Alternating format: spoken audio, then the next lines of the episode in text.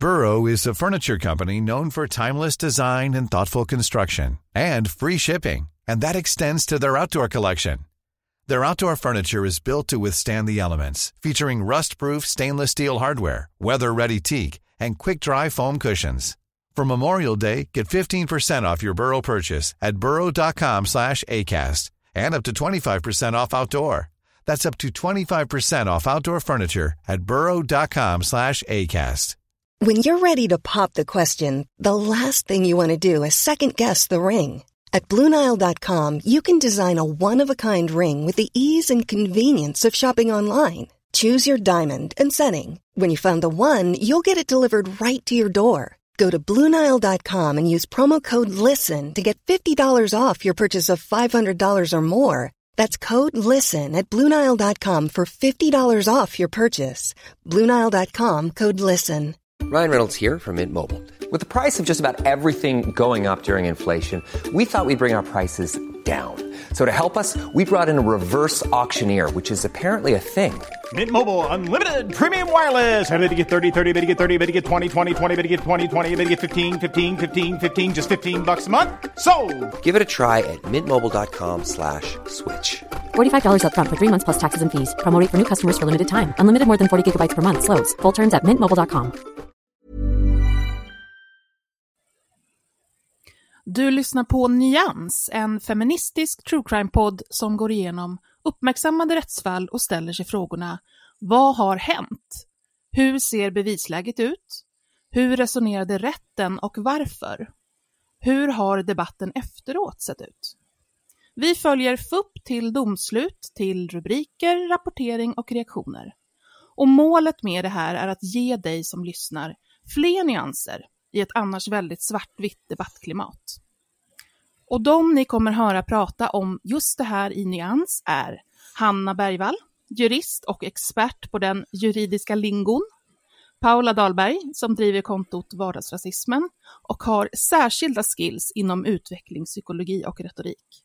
Och jag, Kajan Andersson, som är journalist och opinionsbildare och har en särskild förkärlek för att plöja domstolshandlingar.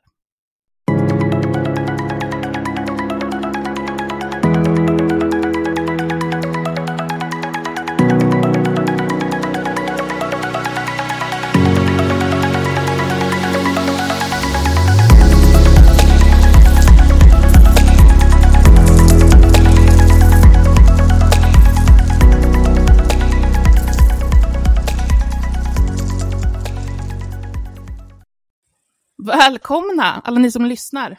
Och Paula och Hanna, hur är läget? Det är jättebra. Jag känner mig jättepepp på det här första, eller liksom komma igång med det här. Det känns som att vi har en första liten dejt nästan, lite pirrigt. Ja, verkligen. jag, det, det ska bli jättekul. Jag, du och jag Karin har ju pratat om att göra en sån här podd väldigt länge. Eh, Och sen så skickade Paula ett meddelande till mig häromdagen och bara Hallå, ska vi inte göra en sån här podd? Och eh, så nu sitter vi äntligen här, så det känns jättekul. Jag tror också att Paula var liksom det där som vi kanske behövde. Jag som är ehm, teknikrädd, teknikfobiker, behöver någon som bara, nej men det här är lugnt, det här, vi drar igång det så här. Nu, nu kommer jag bara skicka en länk till er och så kör vi. Ja, alltså Paula är ju helt fantastisk. Bara guidar oss genom det här med en stadig hand. Det hade ju inte blivit någonting utan dig Paula kan jag ju säga. Tackar, tackar. Tack. ja, men det roliga var ju att jag drömde om det. Alltså eh, på natten när jag sov. Jag hade en dröm verkligen så att jag och Hanna drog igång en podd som skulle heta Nyans. Så det var därför jag skrev till Hanna bara, jag hade den här drömmen, vi måste få det att hända. Och sen en vecka senare så är vi igång. Det är helt fantastiskt Paula. Du, du är så grym. Jag älskar att jag Yes. kuppade in mig i din dröm också. Om du inte drömmer om mig så ska jag se till att göra det. Nej men jättekul. Det är Jag perfekt. pratat om det här väldigt länge och vi har ju, eh, vi tre har ju ofta pratat om, eh, alltså aktuella rättsfall är ju någonting som vi intresserar oss för väldigt, väldigt mycket. Eh, och just att gå lite djupare än det man kanske ser genom rubriker och korta notiser, utan se vad, vad sjutton handlar det här om egentligen. Så det har ju vi pratat om i no, ett antal år liksom.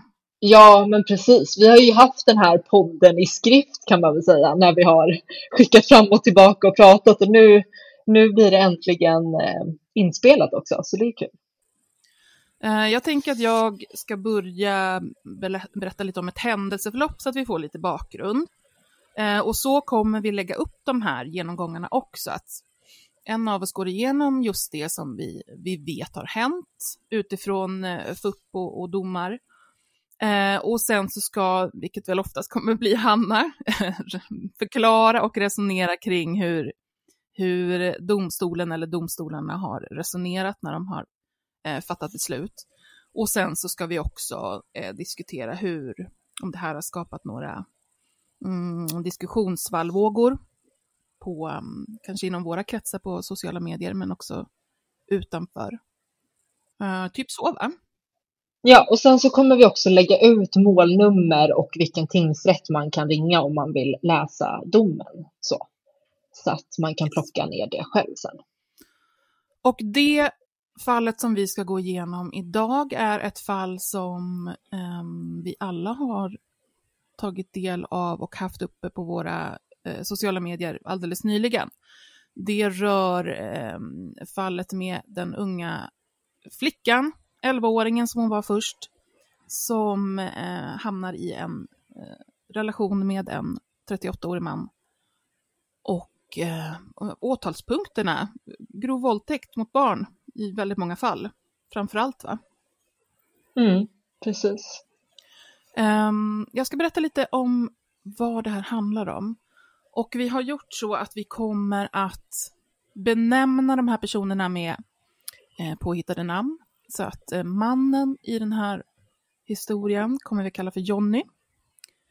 Um, hans dåvarande sambo är med en hel del. Hon får också ett namn som är Jessica.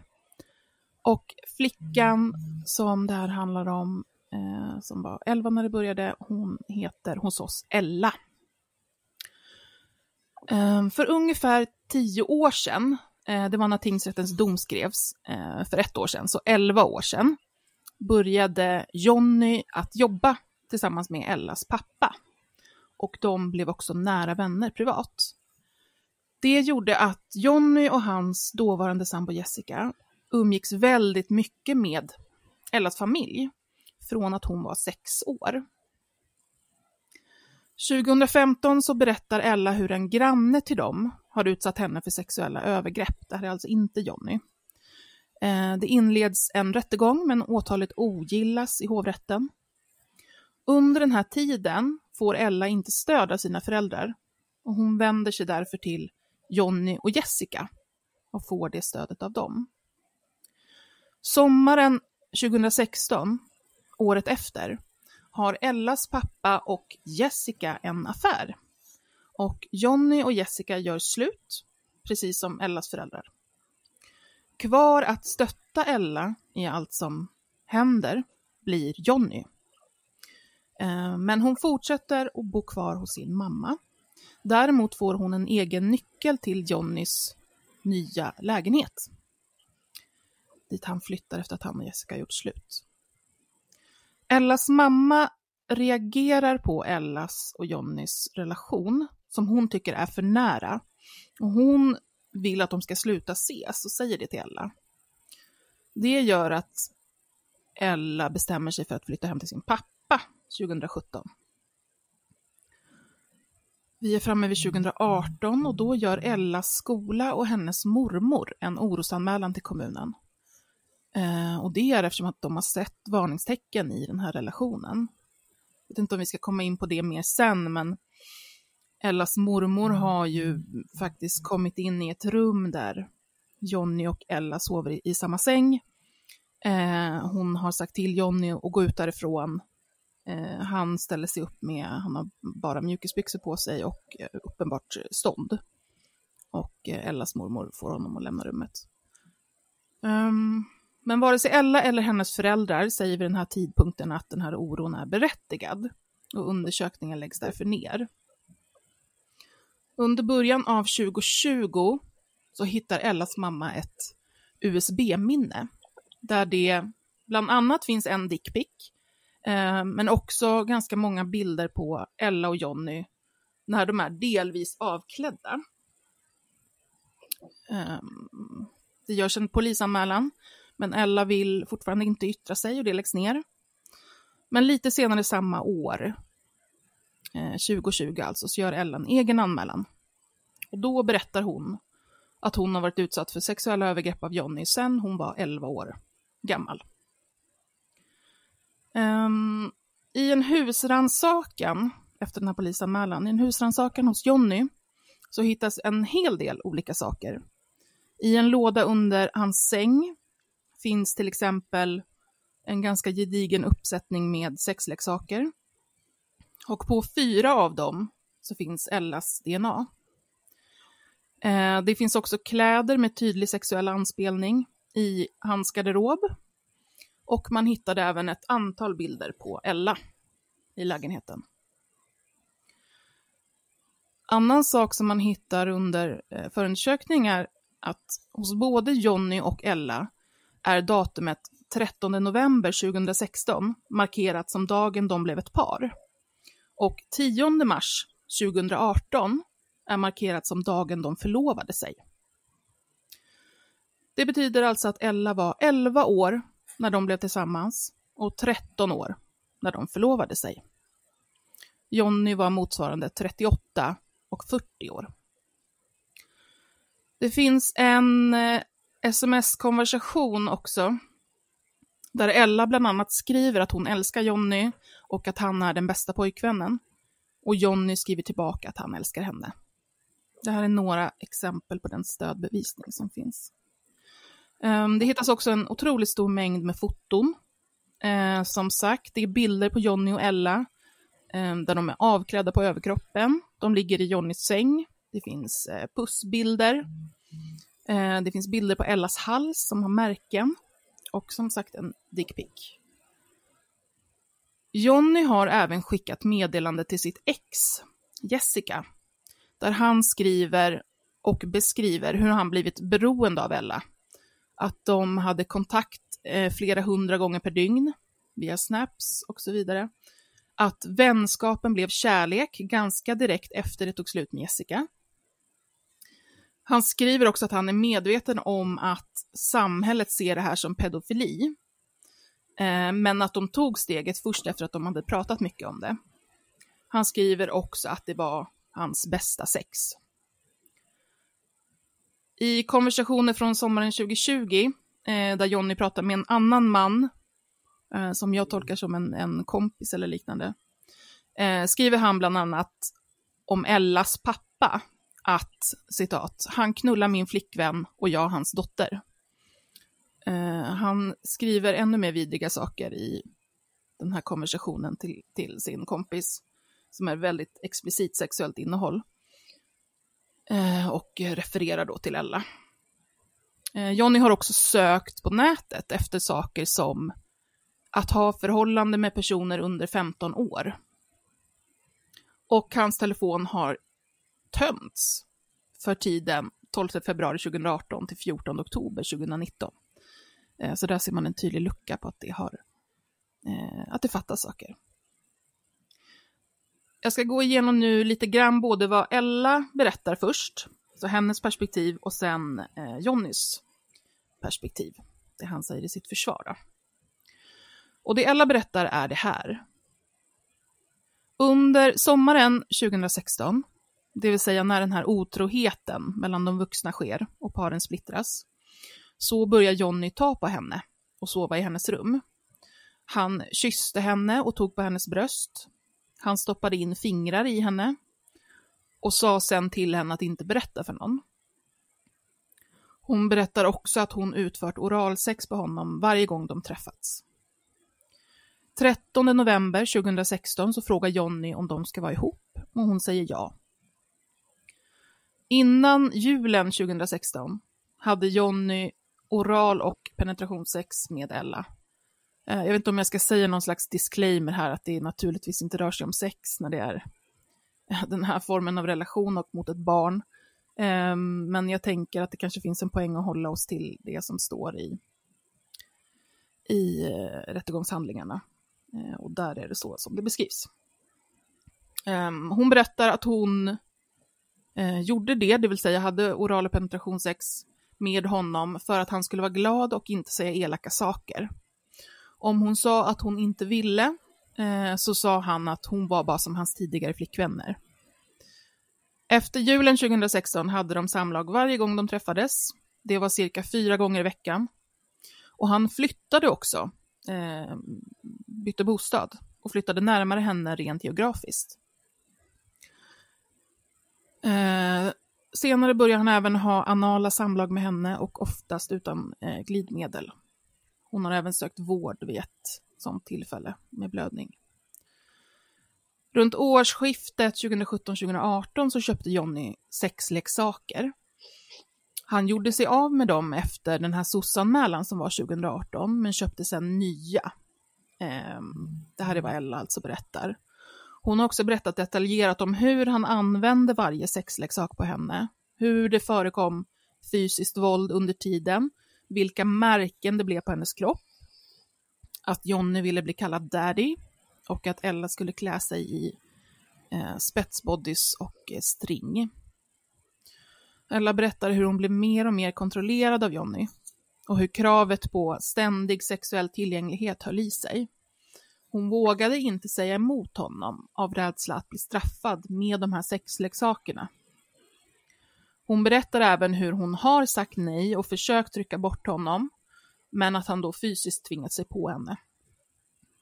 Eh, han ska även ha gett henne pengar när hon inte velat ha sex och kallat henne hora. Eh, Ella har anklagat fler män för våldtäkt. Det var mammans nya pojkvän och hennes pappa.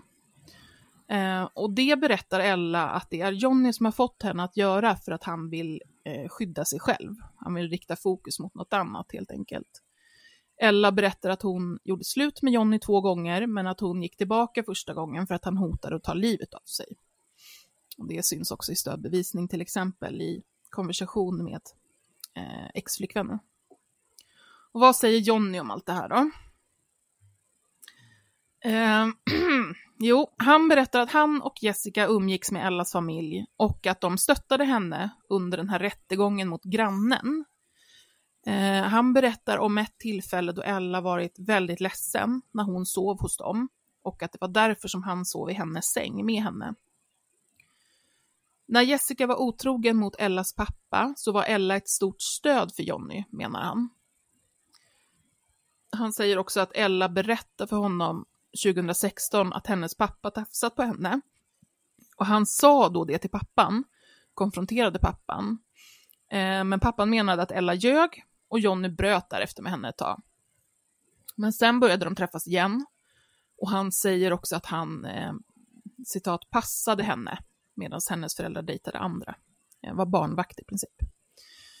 Eh, när han flyttade till sin egen bostad i början av 2017 så hjälpte Ella honom att inreda och fick sen också en egen nyckel. 13 november då 2016, ehm, det här datumet som var markerat att de blev ihop, eh, då menar Jonny att Ella sa till honom att han var hennes bästa vän och han sa saker tillbaka om hur viktig hon varit för honom och därför var den dagen speciell. Jonny säger att han och Ella träffades mycket och intensivt, så det medger han. han. Hon sov ofta över hos honom och när hon gjorde det så sov de i samma säng, men de hade inte sex. Han sov i kalsonger och hon i underkläder. Jonny medger att Ella kanske var naken på överkroppen någon gång, och det kanske inte var så lämpligt. Eh, pussbilderna som man har hittat, det var bara en jargong dem emellan och dickpicken menar Jonny inte var eh, på hans kön. Inte från honom alltså. De här sexleksakerna då, som det fanns DNA från Ella på. Ja, Jonny menar att han köpte dem efter att han haft en intensiv sexchatt med en helt annan kvinna som ville ha sex med sexleksaker. Och då köpte han dem, men använde dem aldrig utan de låg bara under sängen. Jonny tänker då att Ella kan ha använt dem själv, när han inte var hemma. Eh, men Jonny tillstår i alla fall att han och Ella har haft en romantisk relation, eh, men senare. någon gång under 2019, som då alltså är året då Ella fyller 15, eh, menar han att de uttryckte sina känslor för varandra. Han sa att han inte skulle träffa andra tjejer. och han kallade den dagen för deras förlovning. Men de kysstes inte och de hade inte sex under den här tiden, menar han. Sex hade de enligt Jonny först när hon fyllt 15 och då var det på hennes initiativ. De hade samlag kanske sju gånger och aldrig med sexleksakerna. När Ella gjorde slut med honom så blev han väldigt ledsen. Eh, han blev deprimerad och fick självmordstankar. Och det här skrev han till Jessica. Men varför han skrivit om eh, att samhället eh, ser på deras relation som pedofili vet han inte, för så har han aldrig tänkt. Han minns inte heller sina sökningar på nätet om att vara med någon under 15. I början av september 2020 så träffar han en ny tjej. Och att Ella blev väldigt svartsjuk på det tror han kan vara anledningen till att hon nu har ljugit ihop allt det här. Det han skrev till sin kompis om att han eh, knullar Ellas pappas dotter för att pappan knullade Johnnys flickvän menar han först därför att de snackade skit på fyllan. Men de skrev till varandra på en morgon. Um, så då förklarar han att nej, han var nog kanske inte full då. Um, men det var bara flams och trams det de skrev. Utöver det, vi ska säga också att alla de här uppgifterna har vi tagit från um, underlaget till de två domarna, både tingsrätt och hovrätt. Det här berättar väl Hanna lite mer om alldeles strax, tänker jag. Men eh, eh fupparna är sekretessbelagda, så att vi har inte använt oss av dem. Men det finns en väldigt omfattande stödbevisning här, alltså både skriftlig, teknisk och muntlig. Och det är ju alltifrån vittnen som bekräftar det som Ella har sagt i förhör till bilder och ren DNA-bevisning. Det finns liksom eh, personer på det här gymmet som de ska ha haft sex på. Eh, det finns danslärare, kompisar och så vidare. Eh, men det är underlaget och eh, vad de båda parterna menar har hänt.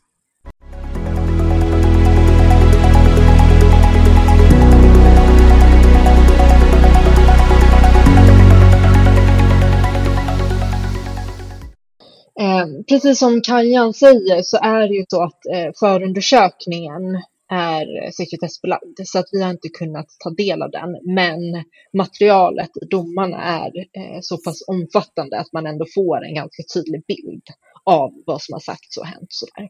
Jag tänkte att jag skulle bara göra en liten genomgång snabbt hur det är domstolen brukar lägga upp sådana här fall, hur man hanterar dem. Eh, och då ska man väl börja att säga att eh, när det kommer till eh, våldtäkter, så, då är har man sex med någon under 15 år så är det alltid en våldtäkt. Man behöver inte prata om samtycke eller något sånt, utan det är per definition våldtäkt. Eh, sen så när det är över 15, då, då kan man inte utgå från att det är våldtäkt på det sättet, utan då måste man kunna bevisa att det är eh, ta upp frågan om samtycke och sådär. Eh, och i det här fallet så rör det ju dels en åtal om våldtäkt, grov våldtäkt av barn, och då är det innan Ella fyller 15 och sen så är det också ett åtal om våldtäkt. Eh, vanlig våldtäkt så att säga efter hon har fyllt 15. Och eh, jag tänkte att jag ska prata dels om vad tingsrätten säger och sen eh, också vad hovrätten säger. För det som händer är att tingsrätten dömer honom för grov våldtäkt mot barn, eh, men friar honom för våldtäkt då efter att Ella fyllt 15 men hovrätten friar honom på båda de här åtalspunkterna. Så att han går helt fri. Och eh, ja, man, man blir ju direkt provocerad av bara att höra det med tanke på allt som, som Kajan precis har berättat. Eh, men det som tingsrätten gör, de går igenom i princip alla de här delarna som Kajan har pratat om eh, och ger en kommentar och sen så väger de samman alltihopa för att komma fram till en slutsats. Och på så sätt som det är uppbyggt är att först så måste eh, åklagaren kunna visa att det här faktiskt har hänt och att han är skyldig till det. Och sen därefter så tittar man på eh, Eh, den tilltalade som är John i det här fallet, om han kan motbevisa något av det här. Så att är det så att åklagaren inte lyckas bevisa det, då bryr man sig egentligen inte om vad Johnny säger, för då måste inte han försvara sig. För att för att man ändå inte kommit upp till den nivån som krävs. Och det är en väldigt hög nivå som krävs för att man ska bli dömd. Det ska vara ställt bortom rimligt tvivel, vilket är ett väldigt högt krav. Eh, och så ska det vara såklart i en rättsstat. Eh, det som tingsrätten säger till en början är att i sådana här mål så är det ju väldigt sällan som det finns direkta vittnen eller filmer av själva händelserna av, av sexet då som inte egentligen är sex för att det är en våldtäkt men som de beskriver det som. Um, och det, det är som sagt vanligt i sådana här fall. Så att det som kommer vara av störst betydelse är det som eh, Ella berättar och det som Jonny berättar. Eh, så. Sen, och tingsrätten börjar egentligen med att säga att det är orimligt att Jonny eh, har fått sådana här känslor för Ella. Att han har fått sådana här eh, liksom kärlekskänslor. Så, att det är väldigt orimligt att han har det. Eh, sen säger man också att Ella har lyckats berätta eh, en väldigt eh, detaljerad Eh, ett detaljerat vittnesmål av vad som har hänt. Och att hon har kunnat berätta sådana saker som barn inte borde känna till. Och det menar man på tyder på att det här faktiskt har hänt. För att hade det inte hänt, då skulle inte hon kunna berätta om de här sakerna.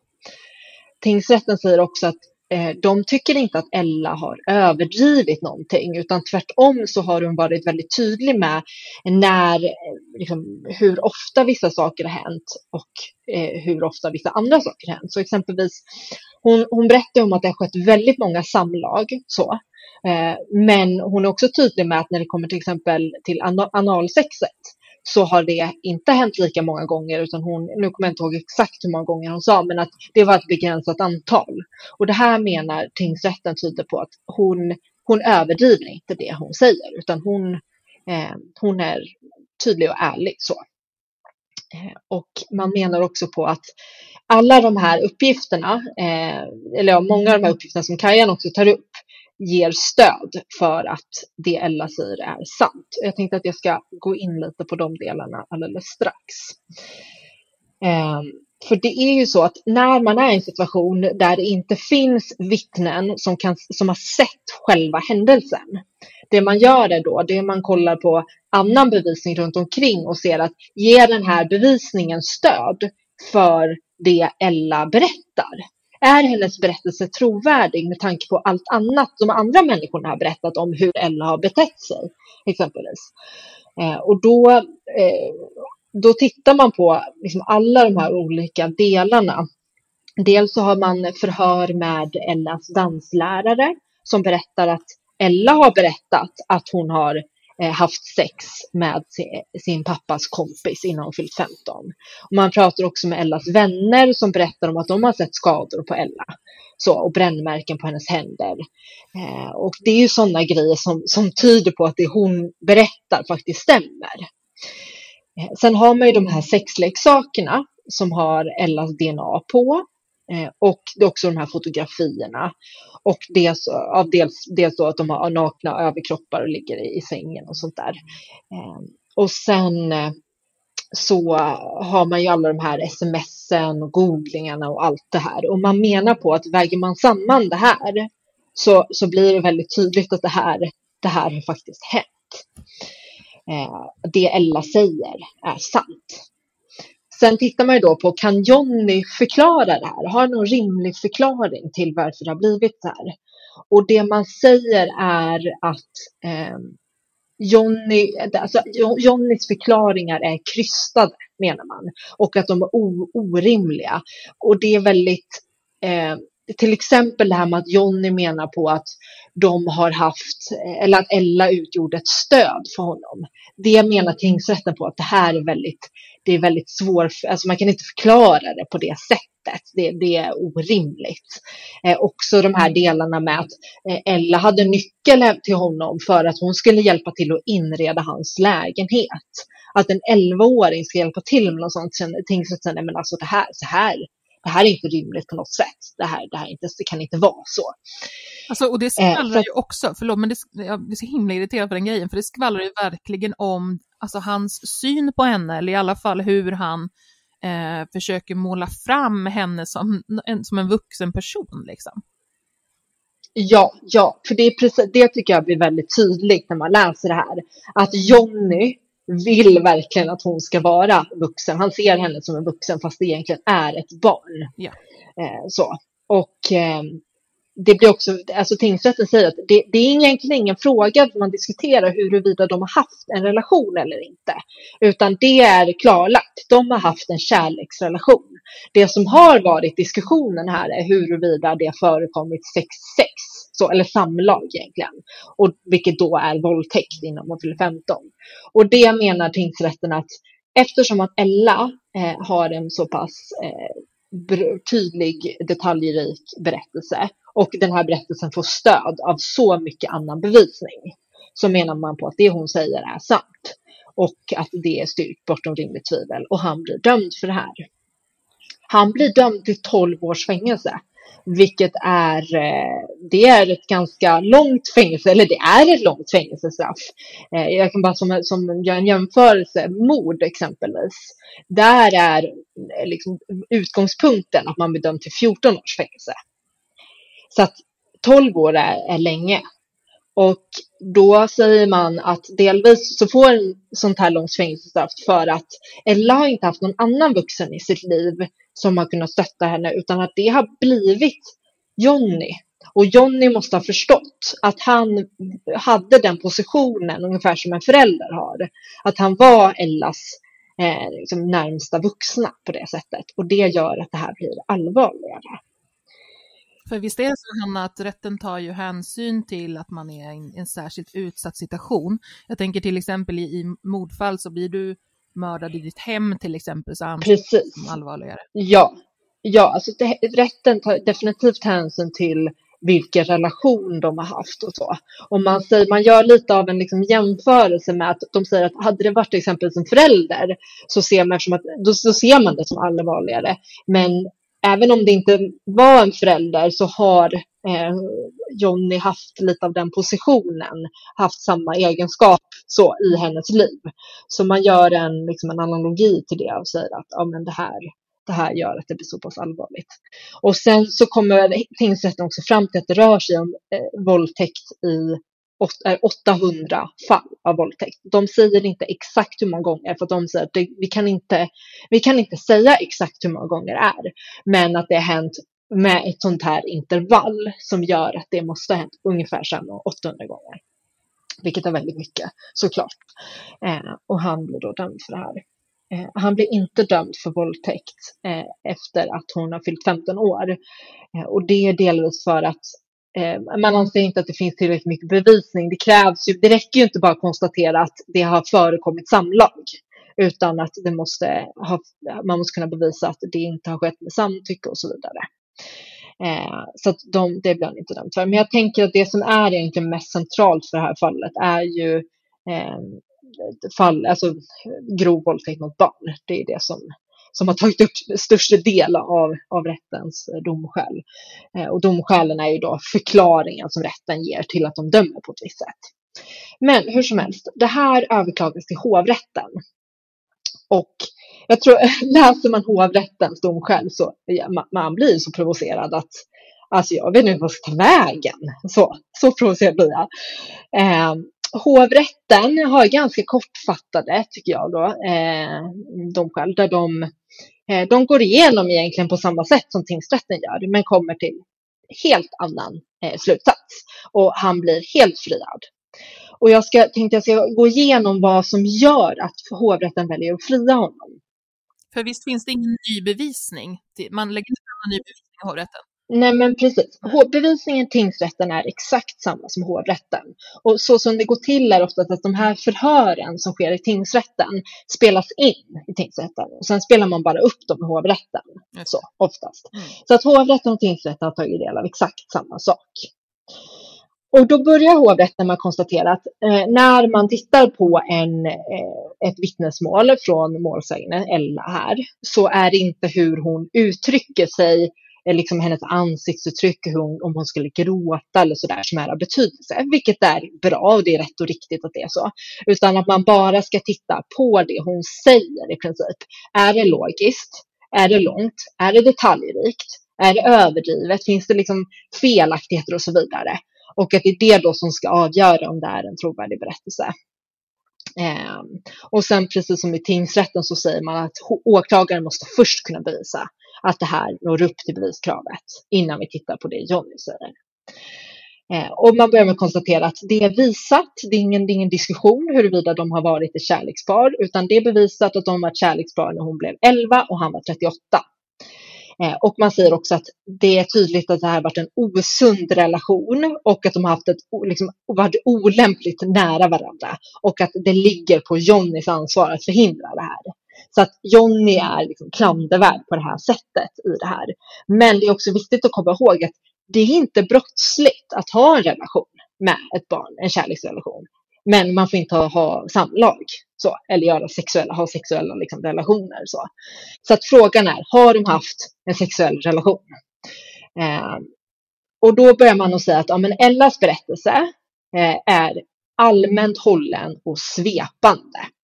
Och då menar man på att den inte är särskilt tydlig. Det är inte, hon kan inte berätta exakt när saker har hänt och så vidare. Vilket jag tycker är lite intressant med tanke på att tingsrätten säger i princip motsatsen.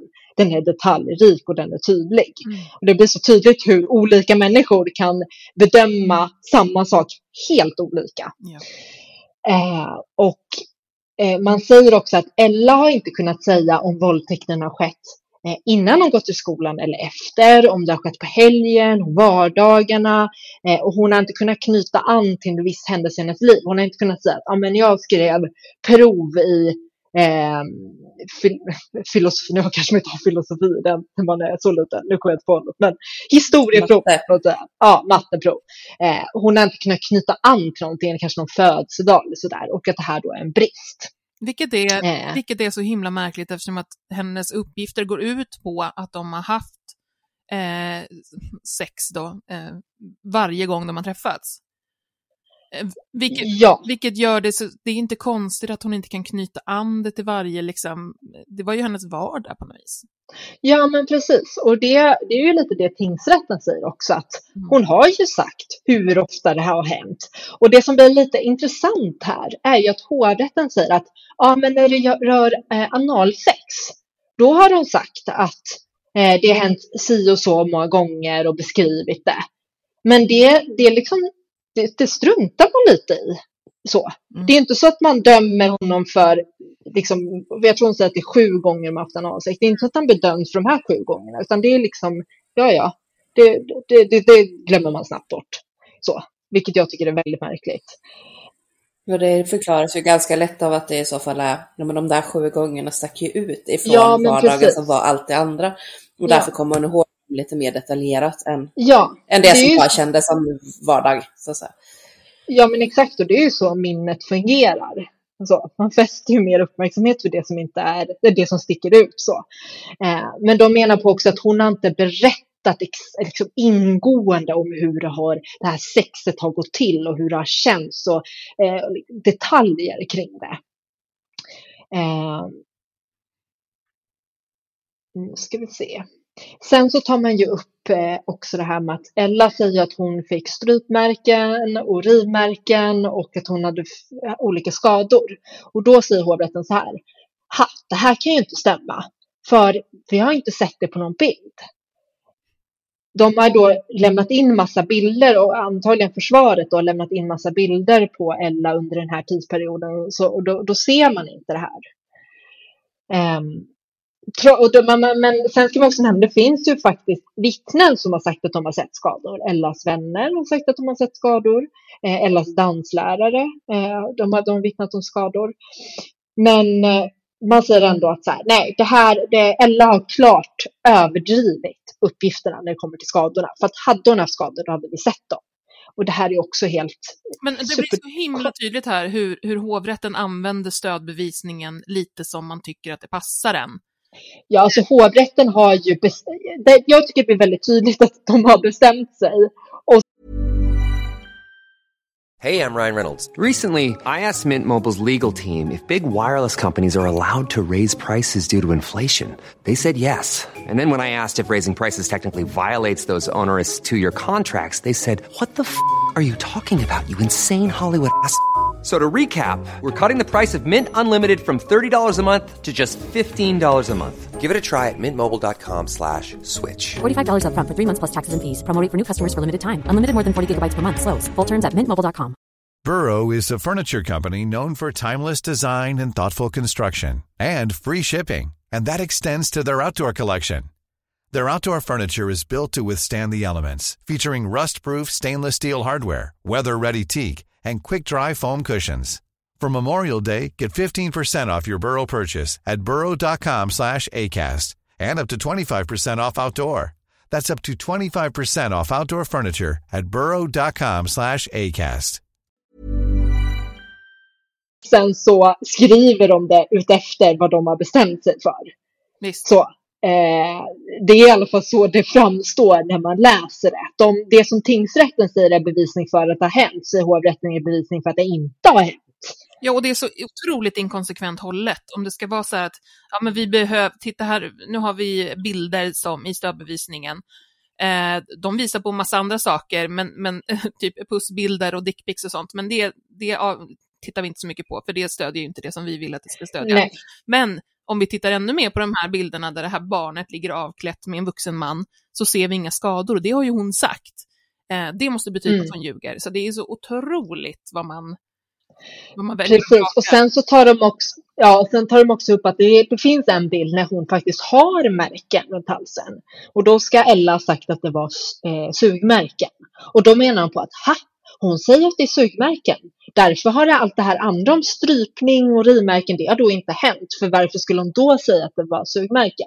Det blir, det blir väldigt konstigt. Och sen kan jag också bara tänka att har man skador från sådana här händelser, då vill man ju oftast inte visa det på bilder. Nej. Man kan ju klä på sig, man kan ju göra olika grejer för att det inte ska synas, man kan sminka sig. Det, finns, det kan finnas massa förklaringar till det. Hur som Speciellt om han har sagt till henne att hålla tyst om det. Ja, exakt. Så att det här så tar de i alla fall för, eh, på kontot för att det här då inte har hänt. Sen så kommer det till det mest centrala, är att hovrätten säger att det Ella säger kan vi inte lita på. Hon, har, eh, hon är inte trovärdig och eh, vi kan inte lita på att det hon säger är sant. På grund av att Ella tidigare har anmält eh, två andra män eh, i hennes närhet för sexuella närmanden och sen tagit tillbaka anklagelserna. Och det är just det här att hon tagit tillbaka dem som de menar på att det här, därför kan vi inte lita på det hon säger. Eh, och sen, sen tar de också upp det här med att Ella säger, eh, det, det, hovrätten var lite otydlig här med vad de menar, men som jag förstår det så, så tar de upp att Ella säger att Jonny tvingade henne att anmäla de här männen för att avleda uppmärksamhet från honom. Det säger hon till tingsrätten. Men i polisförhör, i tidigare polisförhör, så säger Ella att det, det rörde sig om ett missförstånd och nämner inte Jonny. Och det här menar hovrätten att hon ger två olika förklaringar till att de anmälde de här männen. Det menar de att det här betyder att vi inte kan lita på det hon säger. Och det här är ju väldigt, väldigt spännande. För, för så, som jag ser det så är det väl självklart att eh, det är väl självklart att Ella inte säger till polisen att hon, eh, hon anmälde de här för att hon ville avleda uppmärksamhet för Jonny. Hon var ju fortfarande tillsammans med Jonny under den tiden. Det var ju det som var hela syftet. Hade hon sagt det till polisen, då hade ju hela poängen med att anmäla dem försvunnit. Så att det, det blir, det, det är en väldigt, väldigt konstig, eh, väldigt konstigt sätt att se det som tingsrätten, eller som hovrätten, eh, på det sättet de tar upp det.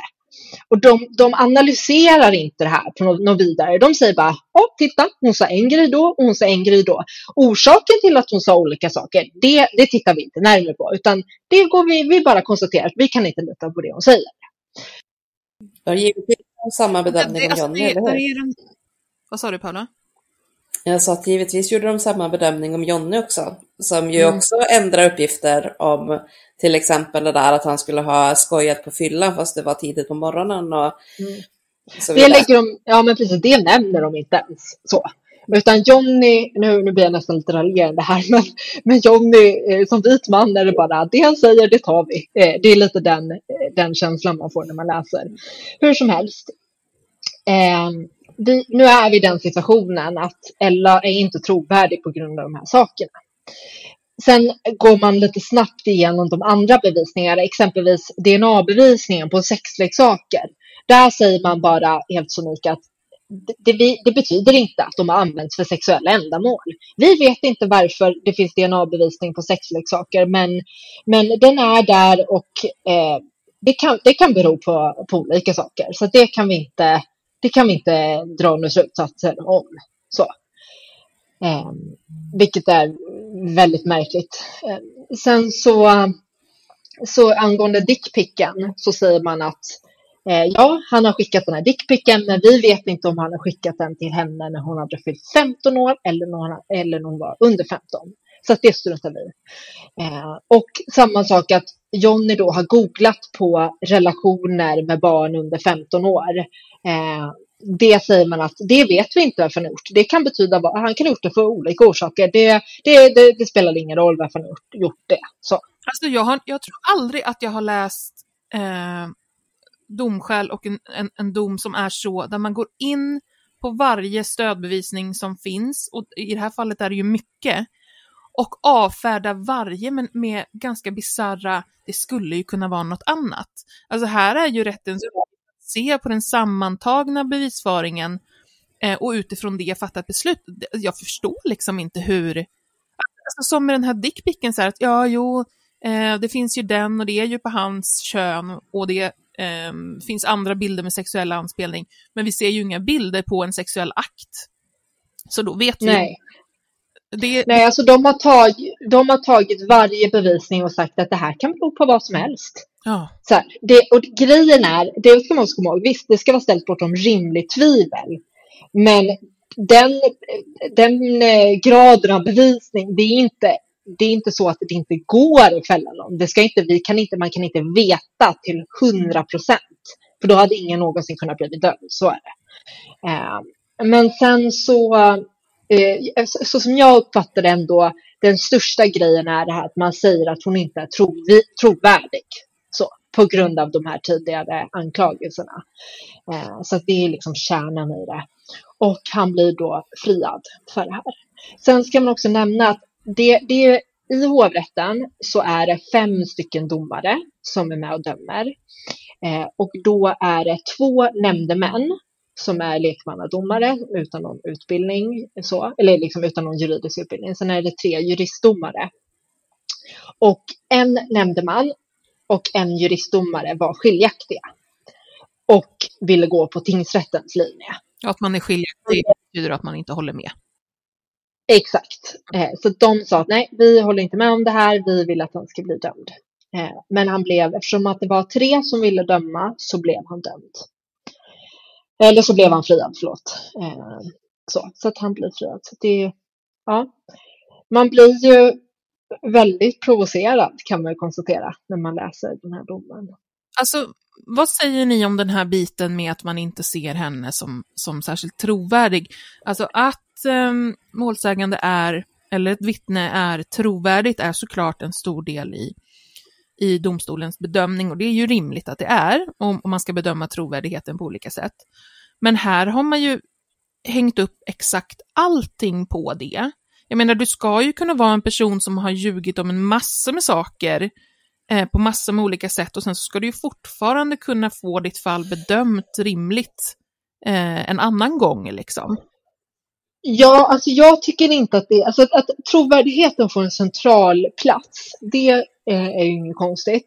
Däremot så tycker jag att det, de har bedömt huruvida hon är trovärdig eller inte på väldigt konstiga grunder. För de har egentligen hängt upp hela hennes trovärdighet på det här faktumet att hon ska anklaga två innan. Trots att hon faktiskt har kunnat ge en, hon har kunnat ge en förklaring till det. Varför hon hade gjort det. Så. Eh, och det här med att hon skulle ha sagt två, två olika saker vid olika tillfällen, det är också helt förståeligt. Det, det, går ju, det går ju ihop med hennes resten av hennes berättelse. Hade det inte gjort det, då hade jag sagt ja, jo, men då kanske. Eh, men, men här går det ändå ihop. Det är, inget, det, det är ingenting som sticker ut på något konstigt sätt. Och på samma sätt det här med att eh, hon, de menar då att hon överdrev de här skadorna.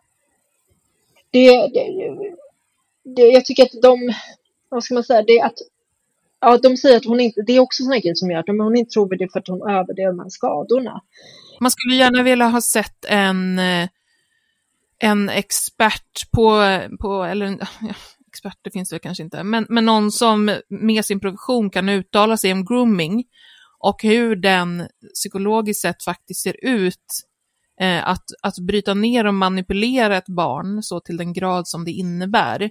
Så det känns ju som ett perspektiv som, som hovrätten totalt har förbisett.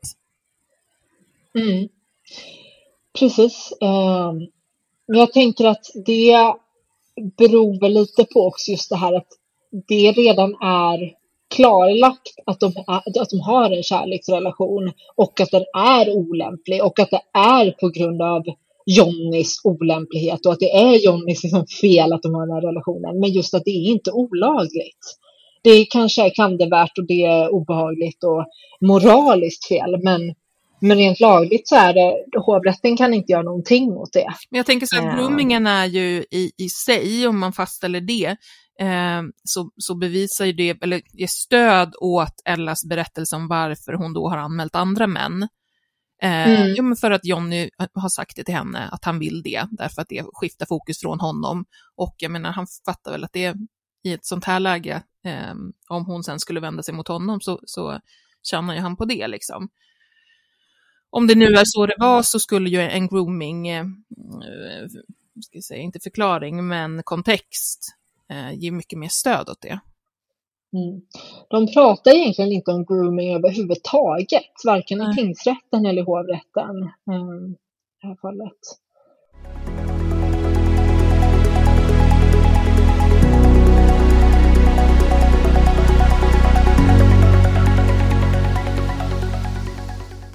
Vad är dina tankar Paula?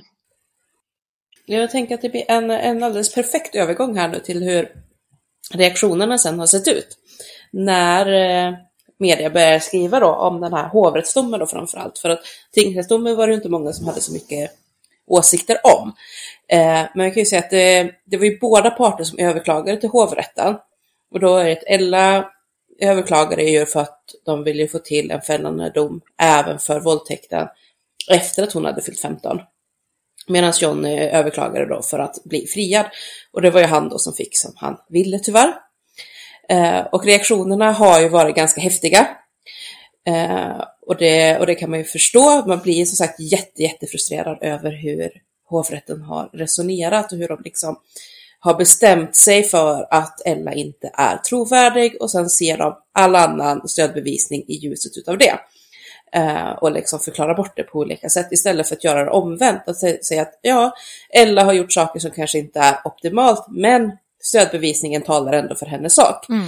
Eh, vilket väl hade varit det, är min mening, liksom, rimliga sättet att se på det här.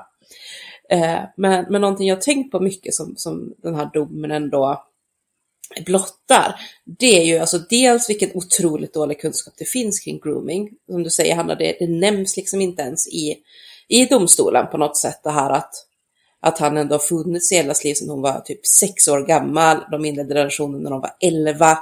Eh, och därefter har han haft fyra år på sig. Så även om ingenting sexuellt hände innan hon fyllde 15 så har han ändå haft fyra år på sig att grooma henne in i att vilja ha sex med honom när hon ja. fyllde 15.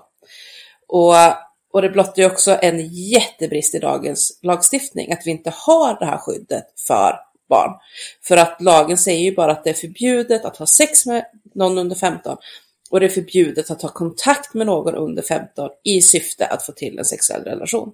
Men tar man kontakt med någon under 15 utan syftet att ha en sexuell relation med dem innan de har fyllt 15 så är det inte olagligt. Mm. Och det, det är helt, helt galet för att det ger ju en jävla utväg för eh, de här förövarna samtidigt som barnen blir, blir väldigt, väldigt oskyddade. Och lagen lägger ju också då ett enormt ansvar på minderåriga att skydda sig själva. Um, och, och ta ansvar på något sätt för sina sexuella relationer. För att plötsligt är det som att nej, men nu har du fyllt 15, everything is okay. Uh, och man bara, jaha, men hur många 15-åringar finns det inte där ute som har inlett relationer med folk i 25-30 års ålder när de har varit 13-14 och där de här äldre, framförallt killarna då, det är nästan alltid män, eh, har tryckt så mycket på att men du är så mogen och kolla vad snäll och fin jag är som inte utnyttjar dig, som, som väntar in dig, som, som stannar här med dig tills dess du faktiskt blir byxmyndig. Eh, som inte tvingar mig på dig som, på ett sätt som skulle vara olagligt och så vidare. Och så använder man det för att verkligen liksom binda ungdomen till sig att nu, tills den dagen när de blir 15 och det blir lagligt. Och nu liksom, men nu kan vi köra. Och sen kanske det, ja men även som det blev lite här med John Ella, att det tar någon månad efteråt och sen är relationen slut. För att det enda de ville ha var ju det här sexet precis mm. i gråzonen av laglighet. Men också att jag tycker det är också väldigt viktigt att lyfta det här med att en relation mellan ett barn, även om barnet har fyllt 15, och en vuxen kommer aldrig kunna ske på jämlika villkor. Det kommer aldrig kunna vara en jämlik relation. Det kommer aldrig kunna gå att se till att båda, eller att barnet är i relationen av fri vilja. För man ser ju också att eh, Ella i det här fallet, hon försökte bryta relationen. Mm. Hon ville inte, men hon kunde inte för att han hotade med att begå självmord. Hade Ella varit vuxen så hade hon förhoppningsvis kunnat, då har man en större möjlighet att hantera situationen annorlunda och förstå att nej, men det här är inte, det här är inte okej att någon gör så här mot mig. Jag, jag behöver inte stanna kvar för att den här personen hotar på det här sättet. Eh, så att, så att, men, men när man är barn, man har ju inte någon sån motståndskraft överhuvudtaget. Och det är därför det är så otroligt problematiskt att det inte är olagligt att ha relationer, kärleksrelationer med barn, oavsett om man har fyllt 15 år. Och det är det här jag menar på att man behöver ha, att man behöver ändra lagen och ha, eh, alltså ändra byxskyddsmyndighetslagen eh, liksom, så att eh, det, det, det, kan inte vara så att så fort du fyller 15 då är det fritt fram. Så. så att vi har de här vuxna eh, männen som, som, som står där och liksom vill pray på de här barnen och jaga dem. Det känns som vi har ett sånt jäkla eh, kunskapsglapp när det kommer till grooming. Jag vet inte om det är just i, i Sverige som vi har det. Jag får en känsla av att man i, i USA till exempel pratar om det på ett annat sätt. Eh, uppmärksamma fall där, där män liksom kan grooma eh, en hel familj liksom, för att komma åt, mm. komma mm. åt barnen. Liksom. Mm, precis, men jag ser, jag ser också som ett problem i Sverige att när vi pratar om grooming, liksom rent i laglig mening, då pratar man om barn under 15 år. Mm. Men så fort de fyller 15, då upphör det att vara grooming i, liksom, i den legala meningen. Så. Och det är ett väldigt kon alltså det, det, blir, det blir väldigt konstigt. För, jag tänker också jämföra med andra länder, så som jag har förstått exempelvis i USA, då har man inte den där gränsen att ah, men du, du fyller 15, då är det inte grooming längre. Eh, så. Och det, det är det jag tänker att man, när man är 15, man är bara 15. Man är fortfarande barn. Mm. Ja, men precis. Jag tänker Australien till exempel så har de ju en, en lag eh, på grooming som, som är så pass långtgående. Inte, inte i alla delstater ännu, men i vissa. Eh, att eh, söker du kontakt med ett barn, du är över 18 och personen är under 18 och du ljuger om din ålder mm. så är det olagligt per mm, automatik. Mm, det. det. spelar ingen roll, man måste inte kunna bevisa att syftet är att ha en sexuell relation med det här barnet eller liknande. Det är olagligt bara att ljuga om sin ålder, för att man menar på att det finns inget rimligt skäl för en vuxen människa att söka kontakt med någon som är minderårig och själv låtsas vara minderårig. Det finns inga rena skäl till att göra det. Nej. Därför Nej. är det olagligt. Nej, det finns inga, jag håller helt med, det finns inga skäl till det. Eh, sen tänkte jag också ta upp att när, jag, ni fick säkert samma upplevelse, men när jag skrev om det här på min Instagram så fick jag hur många meddelanden som helst från eh, kvinnor som berättar om när de var barn och eh, liksom var med om exakt samma sak. Så att, att, att det liksom också om yngre, från yngre tjejer som berättat att ja, för typ ett år sedan så hände det här dem. Och att det ändå är så pass vanligt. Men jag tyckte att jag fick också intrycket när jag pratade med de här tjejerna och kvinnorna om att det var många i deras närhet. Så det var ingen som liksom reagerade riktigt på det här. Att, att det var så okej okay på många sätt. Och just då att den här männen hade vänner som liksom legitimerade det här och fick det att kännas som okej. Okay. Det var en, en tjej jag pratade med som berättade om hur hur hennes, hennes egna familj tyckte det här var fel och eh, liksom accepterade inte det. Men att hon då tydde sig ännu hårdare till mannen i det här fallet för att han hade en familj som tyckte att det här var helt okej. Okay. Och det här blir liksom att hela, här måste vi liksom på samhällsnivå vara tydliga med att det här är inte acceptabelt. Och när man ändrar lagen och tydliggör att det här inte är okej, okay, då kan det också få den effekten att det liksom ändrar vår uppfattning om vad som är okej. Jag kommer att tänka på det, Hanna, när vi fortfarande höll på med gardet så, så ville ju vi göra någon större grej på just det här med grooming, för att vi hade ju de här diskussionerna och tyckte att kunskapsnivån är, är alldeles för låg. Och jag vet ju då att jag gjorde någon intervju med, var det Skolverket eller Skolinspektionen? Mm. Um, jo, just det. Skolverket, ja, um, det var så länge sedan. Men, uh, och just ställde frågor kring hur man jobbar preventivt med, alltså då situationen att ha lärare som groomar elever. Och där de verkligen sa att det finns en jättestor lucka här, vi kan inte hantera det här på ett bra sätt därför att de här eh, männen flytt, alltså hoppar runt på skolor. Eh, vi kan mm. inte komma åt dem eh, på något bra sätt, så det enda som händer är att de blir, slutar eller blir uppsagda och så, och, eller, om, eller förflyttade då till en, till en annan arbetsplats. Så var det ju i, i mitt fall. Jag blev ju groomad av en lärare när jag gick på gymnasiet. Mm. Och då var jag, eh, jag var ju över 15 så det var ju inte liksom grooming i den meningen och olagligt på något sätt så även om man rent arbetsrättsligt liksom, att det är väldigt olämpligt. Just det. Så.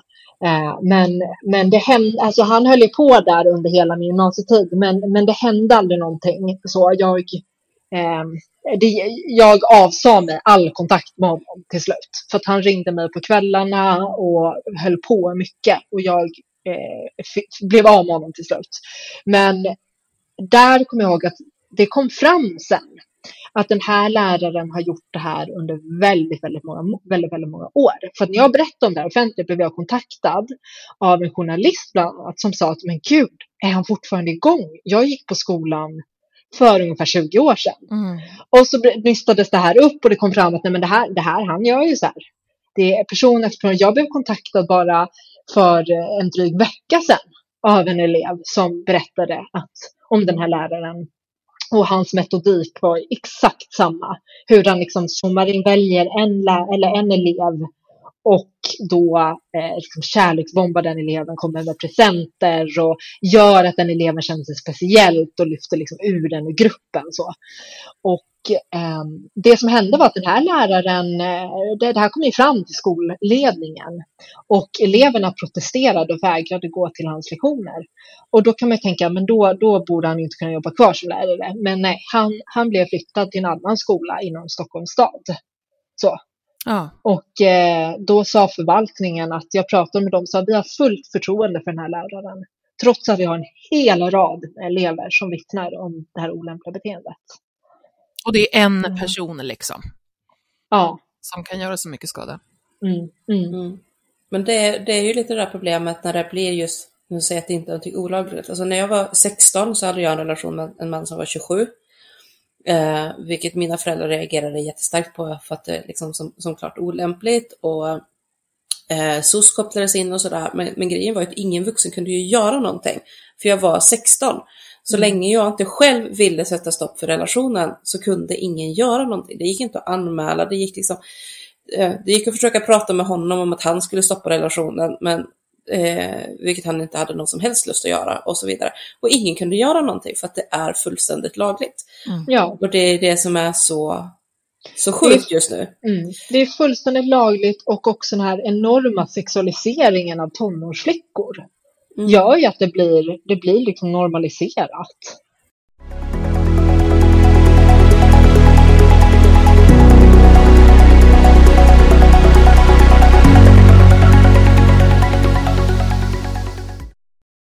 Men hörni, innan vi avslutar så ska vi köra en, en, liten, en liten snabb och aktuell.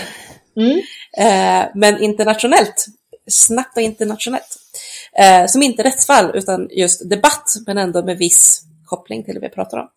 Och eh, jag har ju suttit och kikat på den här Forbes-artikeln som cirkulerar jättemycket just nu, bland, framförallt då bland många högerextrema Mm. eh, konton och debattörer och SD-toppar och så vidare. Eh, där de säger att de har rankat eh, 50 länder av världens alla länder för att det räcker att ranka 50 tydligen. Eh, utefter då vilka som är de 50 farligaste eh, och de, nej förlåt, de, ja, vilka som är de farligaste och vilka som är de säkraste länderna att Eh, resa till om man är kvinna och framförallt om man reser som ensam kvinna. Och eh, på den här så säger Forbes då att Sverige rankats som nummer två farligaste landet för kvinnor att resa till. Vilket har då satt en jättespinn i sociala medier att kolla här vad farligt Sverige är. Det här är ett bevis om att invandringen har gått för långt, för hade vi inte haft invandrare så hade det varit så mycket säkrare. Eh, samhällsförfall och jag vet inte allt. Eh, så jag gick till källan och kollade lite grann och kikade lite så här, vad är det för någon som har gjort den här statistiken? Typiskt dig Paolo, det- gå till källan hela tiden. Ja, för fan, varför ska jag hålla på? Ehm, ja, och det är en, en hemsida som heter Safety Detectives som har gjort den här. Som är, det är typ en blogg, en lite snyggare blogg. Eh, och som Forbes har eh, plockat upp då. Och det intressanta är då att de, Sverige ligger nummer två på en utav listorna som de har gjort kring säkerhet för, för kvinnliga att resa till. Och det är när man bara har tittat på anmälda brott mot kvinnor, anmälda våldsbrott mot kvinnor ska man vara noga med att säga då. Det vill säga misshandel, grov misshandel, mord, mordförsök, våldtäkter, sexuella övergrepp. Det är de man har liksom försökt att kika på och slagit ihop. Och man har då också bara tittat på den officiella statistiken för anmälda fall. Och så har man jämfört det för olika länder. Vilket bland annat innebär att Förenade Arabemiraten kommer upp på topp 15 över jättesäkra länder. Eh, vi har Egypten som en av de säkraste länderna för ensam, ensamma kvinnor att resa till. Eh, verkligen. Och, så. Och, eh, och vissa andra länder har de plockat bort. De har inte tittat på det alls, som till exempel Indien som är ett ganska populärt resemål, finns inte med på de 50 länderna man har tittat på. Men, men Sverige är med och vi är jättefarliga. Eh, USA kommer på plats sju till exempel. Också utav de farligaste Alltså jag länderna. trodde liksom att, att det här, ehm, att vi hade kommit förbi det här med att det anmäls så himla mycket eh, våldtäkter i Sverige. Det måste ju betyda, eh, jag, jag trodde att vi hade, för det här var ju liksom tio år sedan, så, så, så satt jag i kommentarsfälten med just precis samma sak. Ja, Men uppenbarligen det så känns lite så här, here we go. Mm. Eh, intressant är då att när man viktar anmälda brott mot hur lagarna ser ut, eh, då glider Sverige ner på plats 11 över topp 15 farligaste länder att resa till som kvinna.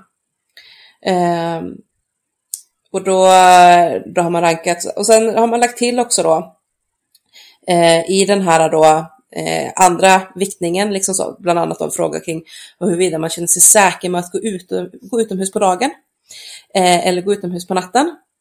Och, så här. och den eh, statistiken samlar de själva in genom en liten enkät som man kan fylla i längst ner på den här sidan där den här undersökningen ligger. Alltså, Vilket betyder att det baserar sig helt och fullt på vilka som lyckas hitta till den här hemsidan och fylla i. Och intressant alltså, där är till exempel... Ja. Ehm, ja men det, det är verkligen så dumt. Och här kan man till exempel hitta då att i Venezuela, som inte ligger med på topp 15 över farliga länder att resa till, är 94 procent av kvinnorna som har svarat på frågorna här rädda för att gå ute ensamma på dagen. Ja, Sverige kom inte ens med på den här listan för att de flesta kvinnor i Sverige är inte rädda för att gå ute på dagen. Det är ganska många, ungefär hem- 50-50, som är rädda att gå ute själva om nätterna.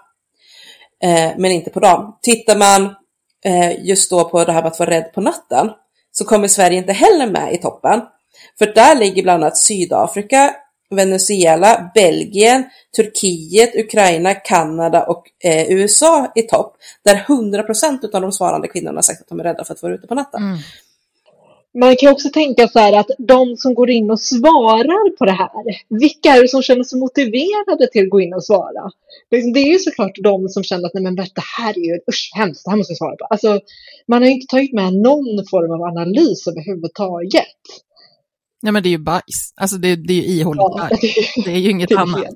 Men det är det, det, är det som är det, är det som är så fascinerande är att, att man kan ha ihåligt bajs Och så plockas det upp av, av, en, av en tidning eller en, en medial aktör eh, som drar på en, en rubrik på det här bajset. Eh, och, sen så, och sen så får det bajs ringa på bajsvattnet eh, och bara liksom lever sitt eget liv på sociala medier. Och så sitter man där bara med en ihålig jävla bajskorv. Eh, men Ja, men ingen det är liksom- ser att det är det. Nej, nej, men alltså moderata riksdagsledamot, det var ju någon moderat riksdagsledamot som har liksom lyft fram den här som, som fakta. Och det är för Men dåligt. i Det är så dåligt. Det man bara, men herregud alltså. Det är ju verkligen förbluffande. Istället för att titta på BRÅ, som, alltså Brottsförebyggande rådet, som har hur mycket statistik som helst som gäller just Sverige. Eh, och också gör, så kan, det finns ju andra jämförelser med andra EU-länder och sådär. Men man har ju också sagt, på, Brå har ju sagt att det är jättesvårt att göra jämförelser från länder till länder. För liksom kulturella skillnader, la, skillnad på lagarna, skillnad framförallt på hur man registrerar brott som kommer in. Vissa registrerar ju eh, flera, flera brott mot kvinnor som ett brott. Mm. Medan eh, Sverige kanske registrerar samma sak som tio brott. Fast det är samma, likadana händelser. Alltså, det finns så mycket skillnader. Alltså en jättestor skillnad till exempel om man jämför då, när de gör till exempel jämförelse mot USA eller sådär, att vi är så mycket värre. Det är ju till exempel att där tar man ju, har de blivit gruppvåldtagen så räknas det ju i statistiken som en gruppvåldtäkt. Medan i Sverige så är det ju en gruppvåldtäkt per gärningsman som deltog i gruppvåldtäkten. Ja. Så är det någon stackars kvinna som blir våldtagen av typ fyra män, men då är det i vår statistik fyra gruppvåldtäkter. Mm. Och därför sticker Sverige ut enormt i jämf- internationell jämförelse med att vi har så extremt mycket gruppvåldtäkter. Man, bara, fast man får ju liksom halvera antalet som står med åtminstone hälften, alltså det vill säga min, minimum två då, eh, förövare, för att komma någonstans närmare den faktiska siffran av händelser. Eh, men det, det ser inte folk. Men, men vad som också var intressant tyckte jag, det var när jag kollade här på Forbes, så hade de en liknande artikel 2019. Eh, det vill säga två år innan den här artikeln som nu då cirkulerar som kom i december 2021. Eh, och artikeln från 2019, då är, det, då är det ett par som har gjort den efter att ha eh, läst om vissa händelser och sådär och varit lite själva intresserade och som har en ganska välbesökt reseblogg. Eh, och vad de har gjort när de har satt ihop då vad som skulle ge de farligaste länderna, det är att de har kollat på mordstatistik och sådana, samma som, som den här första har gjort. Men de har också kollat på bland annat FN, eller UNHCR, eh, WHO och lite sådana här eh, välrenommerade eh, organisationer och tittat hur rankar olika länder där vad gäller kvinnlig säkerhet. Eh, och framförallt då till exempel, och Amnesty till exempel, och hur ser det ut om man blir våldtagen, vilka rättigheter har man då? Eh, och så vidare. Så de, har inte, de har inte gått in och tittat på hur många vågar faktiskt anmäla eh, och rankat ut efter det, utan de är så här, ja, kommer man överhuvudtaget ha en möjlighet att anmäla om man skulle bli våldtagen på semestern? Vad händer i så fall? Eh, och då får vi att Sydafrika är i topp, precis som i den andra. Eh, att det, det är verkligen ett superfarligt land att resa i ensam. Eh, och det är egentligen oavsett om man är man eller kvinna, men det blir ju snäppet farligare som, som kvinna. På nummer två får vi Brasilien. Sen kommer Ryssland. Vi får Mexiko, Iran, inte helt otippat att det skulle komma högt upp. Eh, Dominikanska republiken, Egypten, Marocko, Indien, som ju inte var med alls i den andra listan. Thailand, Malaysia, Saudiarabien, Turkiet, Argentina, Chile, Kambodja, Bahrain, Tunisia, eh, Tunisien. Och sen kommer faktiskt eh, USA ändå på 19 och sen får vi Ukraina eh, i, i topp 20 där. Sverige finns inte med överhuvudtaget. När man tittar på helt andra typer av input som, som kan kännas ganska relevant, liksom att eh, eh, ta nu med eh, Qatar och eh, fotbolls-VM till exempel och den här kvinnan som eh, jobbade där som säsongsarbetare nu för Uefa och blev tvungen att dra, nej Fifa, Mm. och blev tvungen att lämna landet för att hon hade blivit attackerad av främmande män och riskerade att bli dömd till spöstraff för att hon skulle haft utomäktenskaplig relation med någon. Ja. Det är klart man inte anmäler i det läget, man, Nej. man drar. Ja, men såklart. Ja, vad tråkiga då de var som förstörde den här jättespännande Ja. slagfärdiga. Men jag, jag funderade, att- alltså jag, jag har ju ändå sett Forbes som lite rim... Alltså, det är kanske jag som är helt fel, men jag tänkte att de har varit ändå en rimlig sida. Men nu känner jag bara, varför, varför skrev... Varför gjorde de så här? Jag har liksom lite svårt att förstå varför de skrev en artikel om den här eh, bajskorven. Nej, jag vet inte heller. Jag har också sett. Jag har också sett den som en seriös tidskrift. Så. Jag tror att de här gränserna för vad som är rimlig eh, journalistik och vad som är eh, faktagranskning och sånt. Så de, de gränserna dras det i från typ alla håll nu. Eh, mm. Jag tror att bara för några år sedan, ja, kanske lite längre, tio år sedan så hade det här varit ett superövertramp, alltså som hade ju blivit uppmärksammat för att det är så extremt. Um, men, men jag tror nu att man tycker att man kommer undan ganska så långt med att man bara, om man hänvisar till källan och säger att men det är en blogg liksom. Uh, mm. Och vi har inte sagt att ja, det är något annat. Uh, så vet man att det här kommer dra mycket uh, trafik. Klick. Ja, men jag tänker också bara att hur man, hur bilden av Sverige har liksom Sverige utomlands hur den ändrats under Trump-tiden i USA exempelvis. Att där, där har man liksom fått en bild av att Sverige faktiskt är ett farligt land. Jag vet, min, min pappa är amerikan och jag vet att han har haft liksom vänner som har skrivit till honom och, och, över att de är liksom oroliga över hur, hur det är i Sverige, att det, är, det är så mycket mm. våldtäkter och sånt där. Så att, och jag tror att det är många, just de här högerextremisterna, att de verkligen spelar på den grejen, att Sverige har blivit så farligt. Eh, med, med invandringen. Liksom. Så. Och det här... Absolut, det kittlar väl lite. Ja, ja men exakt. Och det här, jag tänkte det är så extra viktigt att prata om det här just nu, det här året, för att det är, för att det är val. Och att, Precis. att lyfta fram det, att det här är ju bara, det här är ju bara bajs. Mm. Um, och sen bara uppmana, snälla, titta på Brå bro är jättebra. Där finns det tydliga saker. Ja, man kan alltid börja där. ihåliga bajskorven ja. så. Ja. ja. men det var det. Det var vårt uh, första avsnitt av Nyans. Fasiken var roligt. Och vad bra att vi kom. Ja, ja. verkligen. Kul. Ja, ni får, ni får hojta, skriva vad ni tycker och tänker, tänker jag, eh, på Instagram. Vi kommer också lägga ut eh, målnummer och sådär. Så att om man vill hitta domen själv. Jag är nöjd om någon gillar det. Alla är svårt. Ja, precis. ja. Eh, och ni hittar oss på Nyans podcast. På Instagram, just det. Eh, och där kommer vi att eh, hojta lite om när avsnitt kommer upp och sånt. Och man kan ju också nå oss via DM där. Jag tänker också, Ja, precis. Jag tänker så här, om det är någonting ni som lyssnar hittar och tycker är intressant, kanske någon dom eller så där, så får ni jättegärna skicka den på DM så kan vi kika på den och se om det kanske är någonting vi ska ta upp och prata om. Eh, så. Ja, visst, absolut. Det finns ju många att ta av, så det är ju kanon att höra vad fler mm. tycker är intressant. Mm. Men eh, tack snälla för att ni lyssnade och tack eh, Paula och tack Hanna och så ses vi och hörs eh, nästa gång. Det gör vi. Tack så mycket. Hej! Hej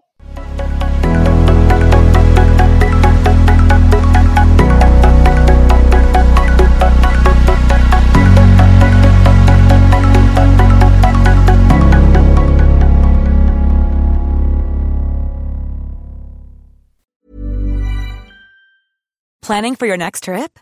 Elevate your travel style with Quince. Quince has all the jet setting essentials you'll want for your next getaway, like European linen, premium luggage options, buttery soft Italian leather bags, and so much more. And is all priced at 50 to 80% less than similar brands. Plus, Quince only works with factories that use safe and ethical manufacturing practices. Pack your bags with high-quality essentials you'll be wearing for vacations to come with Quince. Go to quince.com slash pack for free shipping and 365-day returns.